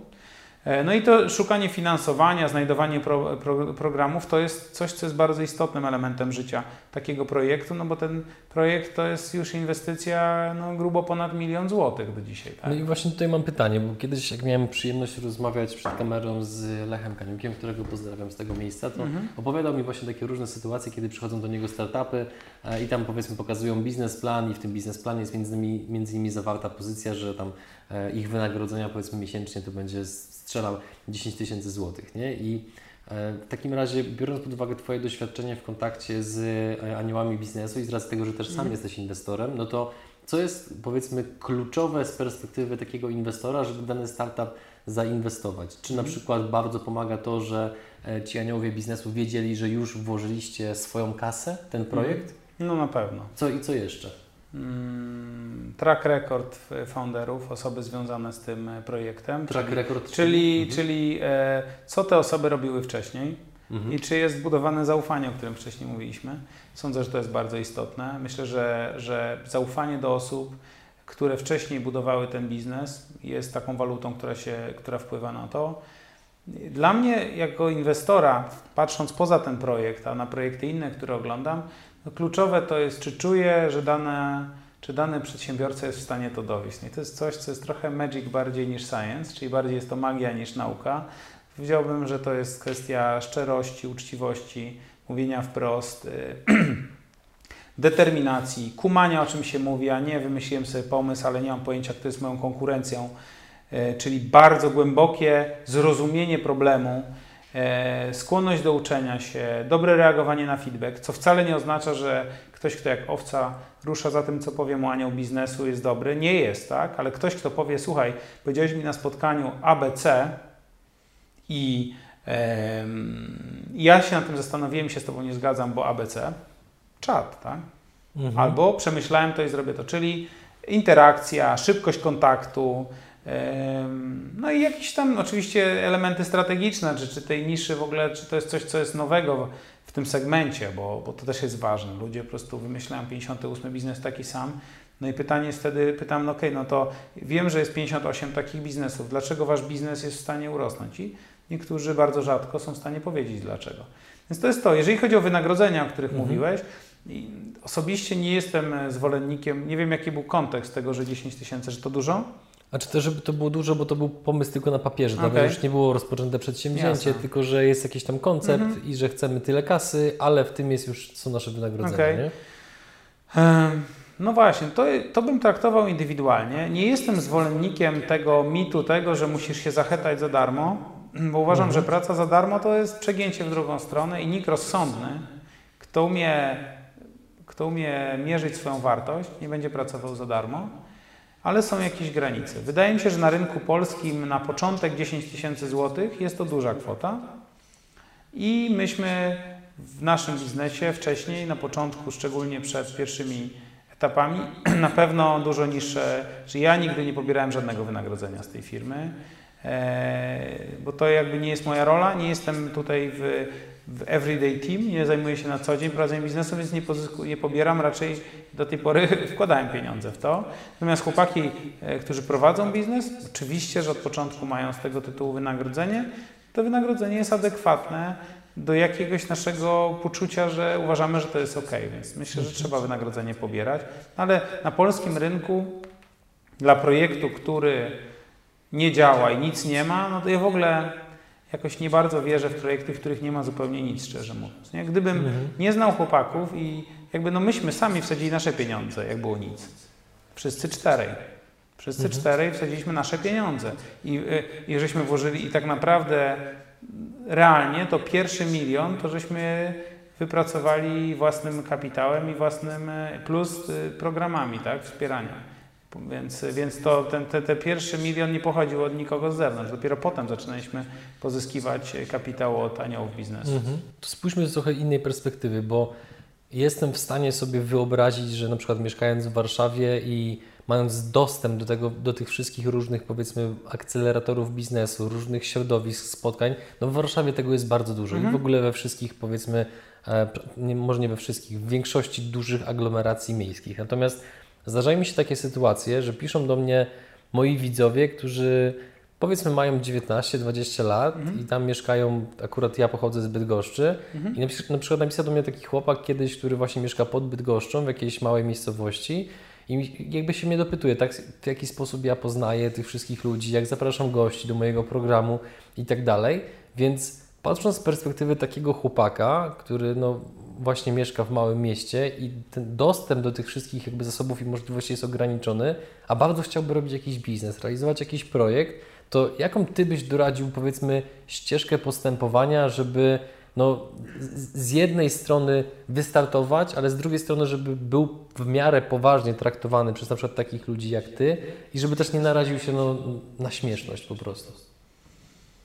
Do jakich zasobów nie ma dostępu mieszkając pod Bydgoszczą? Chciałbym, wiesz, to zrozumieć w Mhm. erze internetu. Jak, jakich Znaczy, zasobów, do tak. jakich zasobów nie ma dostępu mieszkając pod Bydgoszczą? Ja bym to challenge'ował. A czy tak, tak. Czy ja absolutnie tego nie kwestionuję, bo ja też wychodzę z takiego założenia, że w momencie, kiedy właśnie jest era informacji i możesz na przykład napisać do, dowolne, do dowolnego inwestora czy przedsiębiorcy na Facebooku, Instagramie e, czy gdziekolwiek, no bo też ja sam często tak robię.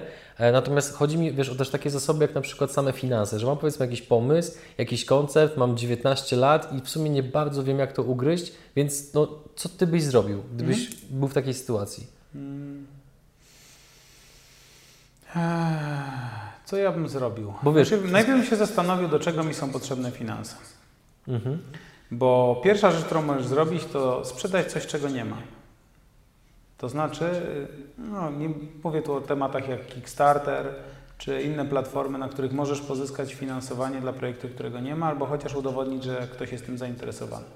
Więc ja bym zrobił domowym sposobem. Gdybym to był ja, to bym prawdopodobnie skupił się na tym, żeby zrobić prezentację w PowerPoincie fajną, a nie beznadziejną. A to naprawdę, to już jest czasem wysoka poprzeczka dla dużej grupy osób. Ja dostaję bardzo dużo y, pitch decków, y, czyli tak zwanych y, prezentacji, w których y, firmy czy młodzi przedsiębiorcy ubiegają się o kapitał. Zresztą z przyjemnością przyjmę ich więcej, więc jak macie, to wysyłajcie, drodzy słuchacze i widzowie. Natomiast no, wiele z nich jest po prostu nieprzemyślanych, są słabe. Tak? Więc ja myślę, że jak ktoś zrobi dobrą prezentację, w której dobrze uzasadni logikę swojego myślenia, to już przyciągnie uwagę i jest w stanie pozyskać odrobinę kasy. Co to znaczy dobra prezentacja od razu? Mhm. No, e, okej. Okay. To może powiem, że tak, na moim blogu Greg Albrecht IO jest prezentacja, chyba slash prezentacja inwestorska, ile pamiętam, a jak nie, to można łatwo wyszukać. Opisałem dokładnie, jak napisać dobrą prezentację inwestorską. Powiedziałem, że kluczowa rzecz to są takie elementy i tutaj możecie być trochę w szoku, ale wymienię je z pamięci, bo już tyle ich widziałem, że powiem. Po pierwsze, jaki problem rozwiązujesz?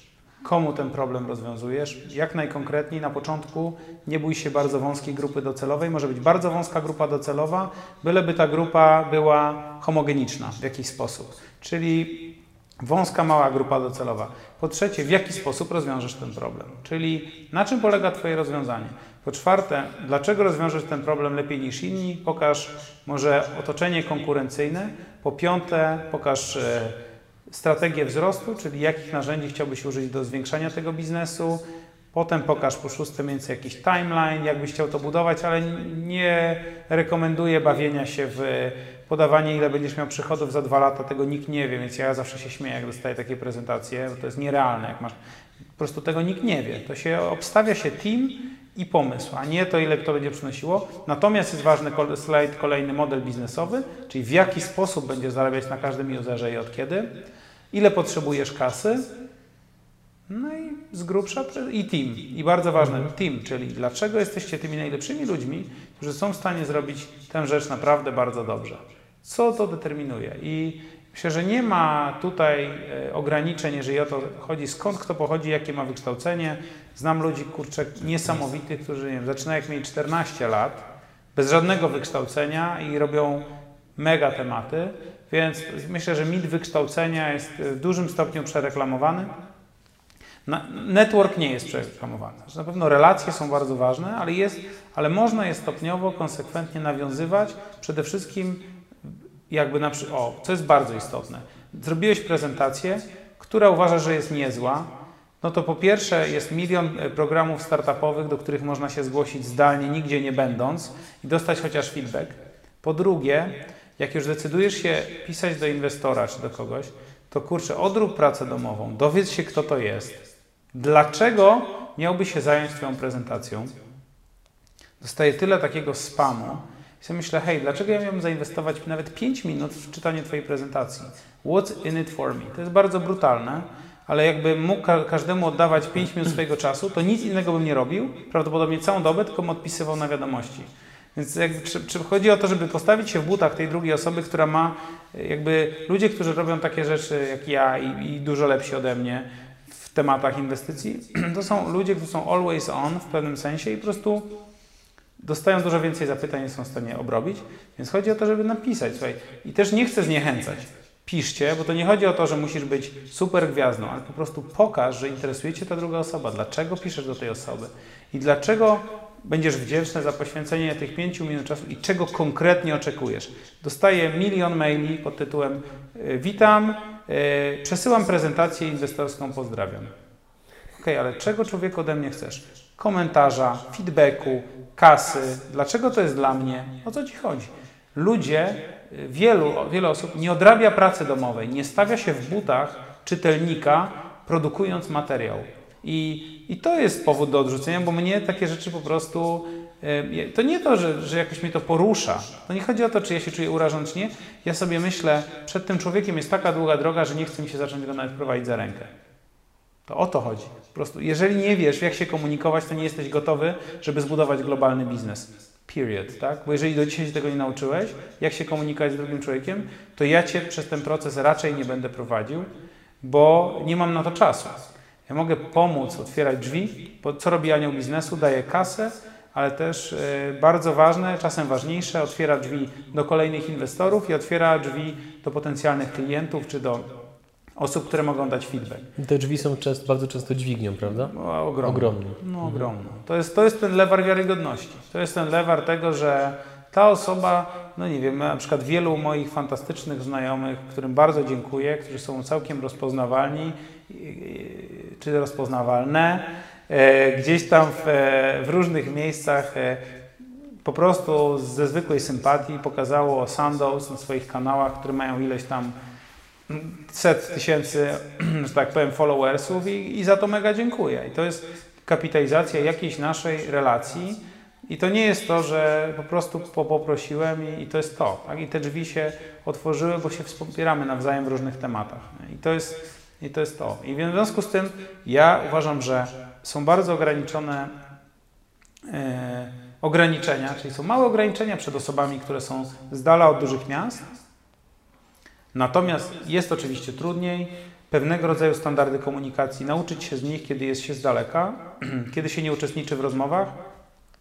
Więc ja uważam, że to, co jest największą lewarem do uczenia się komunikacji, to jest wchodzenie w interakcję z bardzo różnymi kręgami ludzi.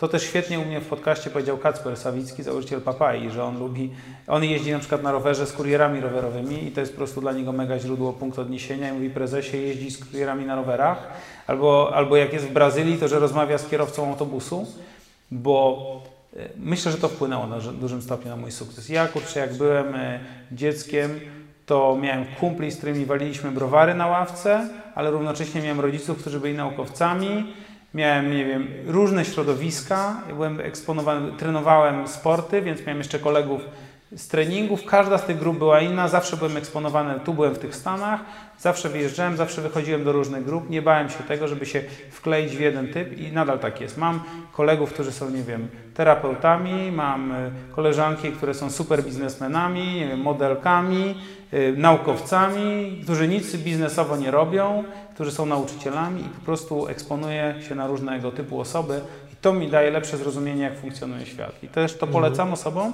które gdzieś nawet chociaż w swojej mierze mogą na swoim rynku to zrobić. Bardzo przyjemnie się rozmawia i aż po prostu szkoda mi powoli ten wywiad do, jakby no, prowadzić do końca, bo też e, powiedzmy ten, ten, ten czas powoli się kończy. Natomiast mam nadzieję, że będziemy mieli okazję jeszcze nie raz się spotkać, bo ja już mam cały szereg pytań w głowie, które jeszcze chciałbym Ci zadać, no ale e, też jakby rozumiem, że czas nie jest z gumy. Mhm. Natomiast jakby powiedzmy właśnie zbliżając się do końca, chciałbym, żebyśmy troszeczkę zahaczyli właśnie o to, co robisz obecnie, jeżeli mhm. chodzi o współpracę z przedsiębiorcami i czy mógłbyś dać powiedzmy, ja wiem, że to jest takie może troszeczkę wyświechtane, bo, bo każdy o to prosi i każdy o to pyta, natomiast mhm. uważam, że dobrych wzorców, praktyk i sugestii nigdy nie jest za wiele. Co takiego przedsiębiorca, e, korzystając na Twojej wiedzy i doświadczeniu, mógłby dzisiaj, jutro wdrożyć do swojego biznesu i bardzo szybko z tego tytułu uzyskać pewne rezultaty, które e, po prostu no, okay. niego zadowalające. Jasne. Więc ja widzę dwa główne wymiary, jeżeli chodzi o budowę biznesu. Może od tego zacznę i postaram się odpowiadać tym razem krótko. Jeden element to jest leadership, czyli to, jak budujesz relacje z ludźmi, z zespołem, ale też z klientami, czyli relacje z ludźmi, ale głównie leadership w zespole. Bardzo zapominane, szczególnie w szybko wzrastających firmach, potem jest problem. Druga rzecz, a w zasadzie pierwsza, to strategia i to, co wprowadzasz. I zaczynając od tego, jeżeli masz biznes, który prowadzisz, jest kilka rzeczy, które możesz zrobić od razu, a może ich nie robić. Po pierwsze, angażuj swojego klienta w proces przygotowywania produktu od pierwszego dnia. Konsultuj z nim, zrób z niego Twojego doradcę, a będziesz pewny, że jak produkt ujrzy światło dzienne, to będzie Wasz produkt i on go od Was, od Ciebie kupi. Po drugie, po drugie, nie bój się wykraczać poza zapytanie, które przychodzi od Twojego klienta.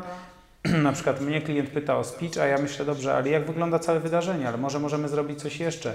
Rekomenduję ludzi dookoła, daję wartość dodaną, rozwiązujesz problem, a nie jesteś produktem na półce. Jak możesz rozwiązać komuś problem lepiej? Po trzecie, powiedziałbym, kwestia relacji z ludźmi, czyli dowiedz się, rozejrzyj się dookoła, jakie, jakie inne firmy mogą mieć produkty, które moglibyście się dobrze uzupełniać i zbuduj sieć partnerów, którzy mają pokrewne do Ciebie działalności, z którymi mógłbyś robić cross-branding i cross-selling. Bardzo dobra metoda działania. Po czwarte, nie bój się wyróżnić, czyli nie musisz być znany pod konkretną nazwą, ale spróbuj być znany pod w konkretnej niszy. Nie, nie musisz się bać niszy.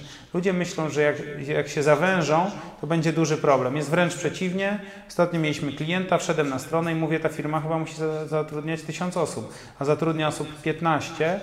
Obiecują gruszki na wierzbie i nie wiadomo, co tak naprawdę ta firma robi, w czym jesteś najlepszy na świecie. Pokaż to. Jak będziesz dowoził to, w czym jesteś najlepszy na świecie, klient ci kupi od, od ciebie więcej, ale nie odwrotnie. To ty może, żebym się nie rozpędzał, więcej materiałów chętnie potem kiedyś odpowiem na pytania, czy nie wiem, możemy jakoś tam to inaczej zmontować. Jeżeli chodzi o temat leadershipu, e, nie, warto inwestować czas w słuchanie ludzi.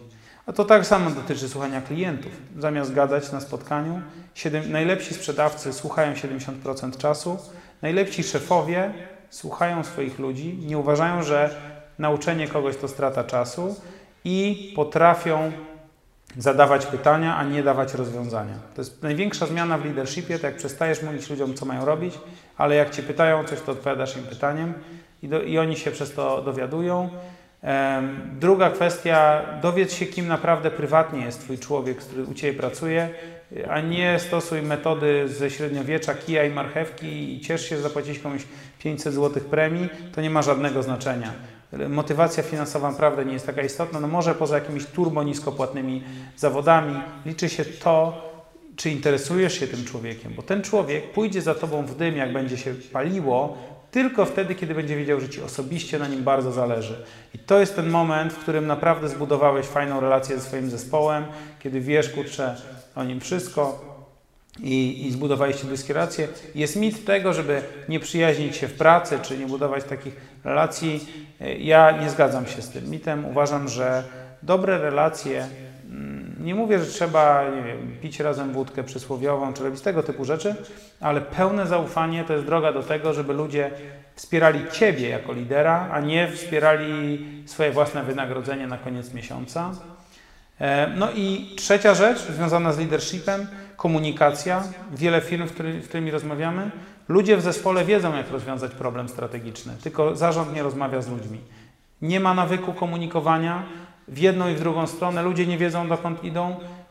Rozmowa, komunikacja nie jest doceniana e, wewnątrz organizacji, w związku z tym rodzą się plotki, niedopowiedzenia, kultura organizacyjna na tym cierpi i można z tego tytułu mieć problemy, więc jutro może, jeżeli co ma być jutro, to po prostu pogadaj ze swoimi ludźmi i zapytaj ich otwarcie, co ty mógłbyś robić lepiej i naucz ich takiej otwartej komunikacji, i, i otwórz się na negatywny feedback, a to na pewno też pomoże. To Takie rzeczy mhm. przyszły mi do głowy na szybko, pewnie mógłbym ich więcej wygenerować, ale mhm. wiem, że czas leci. Bardzo użyteczne. Podobają mi się, zresztą pod jednym punktem to podpisałbym się z miejsca, znaczy pod wszystkimi, tylko jednym mi szczególnie zapadł w pamięć właśnie odnośnie tego, e, jak należy traktować e, pracowników, współpracowników, partnerów. I właśnie mam taką jedną osobę, e, której tutaj jakby które urządza sobie drobną prywatę z którą współpracuję ściśle już od dłuższego czasu. I to, co już mówiłem tej osobie, natomiast ona nie lubi słuchać komplementów, więc niech posłuchają wszyscy oprócz niej w, w, tym momencie. W każdym razie to, co mnie w tej osobie urzeka, to jest to, w jaki sposób podchodzi do ludzi. Że z jednej strony finansowo się wszystko zgadza, ale jest tak ogromna wartość w tym podejściu do człowieka, do takiego fair traktowania, nieużywania, nieużywania nawet wulgarnego języka w jakichś tam sytuacjach stresowych, tylko jest takie naprawdę podejście człowiek do człowieka, że wewnętrznie masz ochotę dla tego gościa zrobić wszystko, nie? I naprawdę mu pomóc, e, bo, no bo, no bo kurczę, to takich ludzi jest bardzo mało, bo jednak wciąż jest właśnie ten taki model zarządzania, gdzie jest powiedzmy ten taki szef, trochę kat, i, się idzie do roboty, a nie do pracy, żeby odpękać te 8 godzin, a nie żeby się dobrze bawić i się cieszyć tym. Więc cieszę się, że tym powiedziałeś. I na koniec pytanie takie, mam nadzieję, że, że, że, że będzie jakaś tym zabawna historia. Jaką miałeś najśmieszniejszą sytuację z klientem, o której możesz powiedzieć? Najśmieszniejszą. Czy było dużo śmiesznych? No, wiesz co, nie przychodzi mi coś tak od ręki do głowy. Musiałbym coś Najciekawsze, najdziwniejsze. wykoncypować. Najdziwniejsza historia z klientem. Ja jestem takim sztywniakiem, że nie wiem, czy coś mądrego wygeneruje. Najciekawsza historia z klientem. Mam jedną historię z klientem, którą opowiem. Już wiem. Mhm. Potrzebowałem chwili, żeby zebrać myśli, bo już tak Was zagadałem, że aż, aż mnie się bateryjki wyczerpują. Mi się podobało bardzo. W każdym razie, okej, okay, jest jedna historia, która jest rzeczywiście dziwna. E, historia, w której e, pracowałem z jednym startupem jako doradca. To był e, bardzo fajny startup. I zadzwonił do mnie kumpel, który, mm, który organizował event dla startupów i powiedział, że szuka startupu do, na event. No i krótko mówiąc, jak powiedziałem, mam taki fajny startup, on może przyjdzie. No i na dzień przed tą prezentacją wielką na tym evencie okazało się, że ten startup jednak nie może przyjść, bo, e, bo ten e, founder miał jakieś spotkanie ważne i po prostu nie mógł zaprezentować. No więc ja się trochę zestresowałem. Mówię, jak ja mogę pomóc, jak, co ja mogę tutaj zrobić? Więc poprosiłem, e, e, zadzwoniłem do tego CEO, mówię, słuchaj, co my teraz zrobimy, tak? Bo tutaj trochę postawiłem swoją głowę, że, że ty wystąpisz, a nie wystąpisz, a masz taką sytuację, chciałem z tego jakoś fajnie wybrnąć. No i koniec końców zaproponowałem, że ja będę reprezentował ten startup jako członek zespołu i zaprezentuję ten startup w tym konkursie.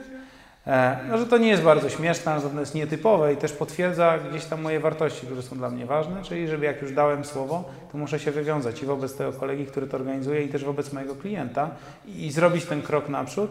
No i po prostu wystąpiłem w tym konkursie, a to jest o tyle komiczna historia, czy nietypowa, że to już opowiadałem wiele razy, ale może tutaj widzowie tego nie widzieli, aczkolwiek zawsze to mnie bawi i cieszy, że jurorem w tym e, konkursie był 50 Cent, ten raper. W związku z tym e, wystąpiłem przed 50 Centem, zaprezentowałem e, ten startup. Tam pierwszy był jakiś super startup, gdzie dziewczyny pokazywały t-shirty, że, one, że ich t-shirty nosi Rihanna, wszystko było super. Potem wystąpił Kamil Adamczyk z tą maską bieżącą e, fale mózgowe, założył tam 50 Centowi tę, tę, tę maskę, więc w ogóle Bayer, a potem wszedłem ja i tak staję przed tym 50 Centem i mówię tak no tak, a, ja mam takie ekscytujące narzędzie, wiesz, taki software, w którym możesz połączyć dwa różne oprogramowania w swojej firmie. Widzę w jego oczach pustkę. Mówię, no to ładnie, chłopie. To zareprezentowałeś klienta, ale okazuje się, że produkt był tak dobry, że mimo mojego, nie wiem, czy bardzo przekonującego pitchu, wygraliśmy ten konkurs i mój klient pojechał e, w ramach tego konkursu na trzy tygodnie do Doliny Krzemowej, a ja też tam ponegocjowałem i też poleciałem z nim, więc mieliśmy fajny wypad wspólny na trzy tygodnie do Palo Alto. I to, to myślę jest taka nietypowa historia, która może dobrze puentować to, te wartości, które też wyznaję w biznesie, a która na końcu skończyła się win-win-win.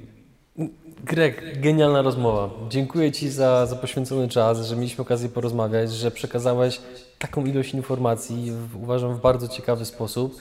Życzę Ci samych sukcesów i mam nadzieję, że do zobaczenia pewnie za kilka odcinków, bo ja sobie muszę w ogóle zaraz szybko spisać te wszystkie pytania, które jeszcze będę chciał Ci zadać pewnie kiedyś w przyszłości. Mhm. E, czy jakieś słowo na koniec z Twojej strony?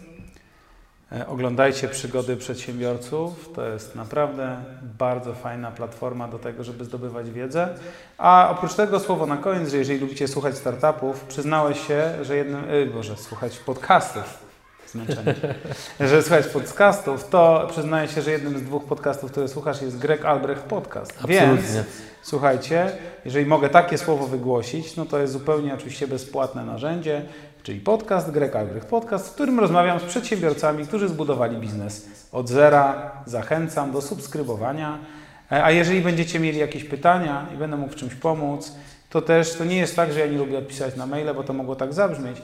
Lubię odbierać maile, Chętnie na nie odpisuję, kiedy ktoś wie, czego oczekuje, więc zapraszam serdecznie na LinkedInie i we wszystkich innych mediach. Bardzo Ci dziękuję za tę rozmowę, bo nie pamiętam, żeby ktoś mi takie fajne pytania zadawał. Mam nadzieję, że Was nie zagadałem i do zobaczenia.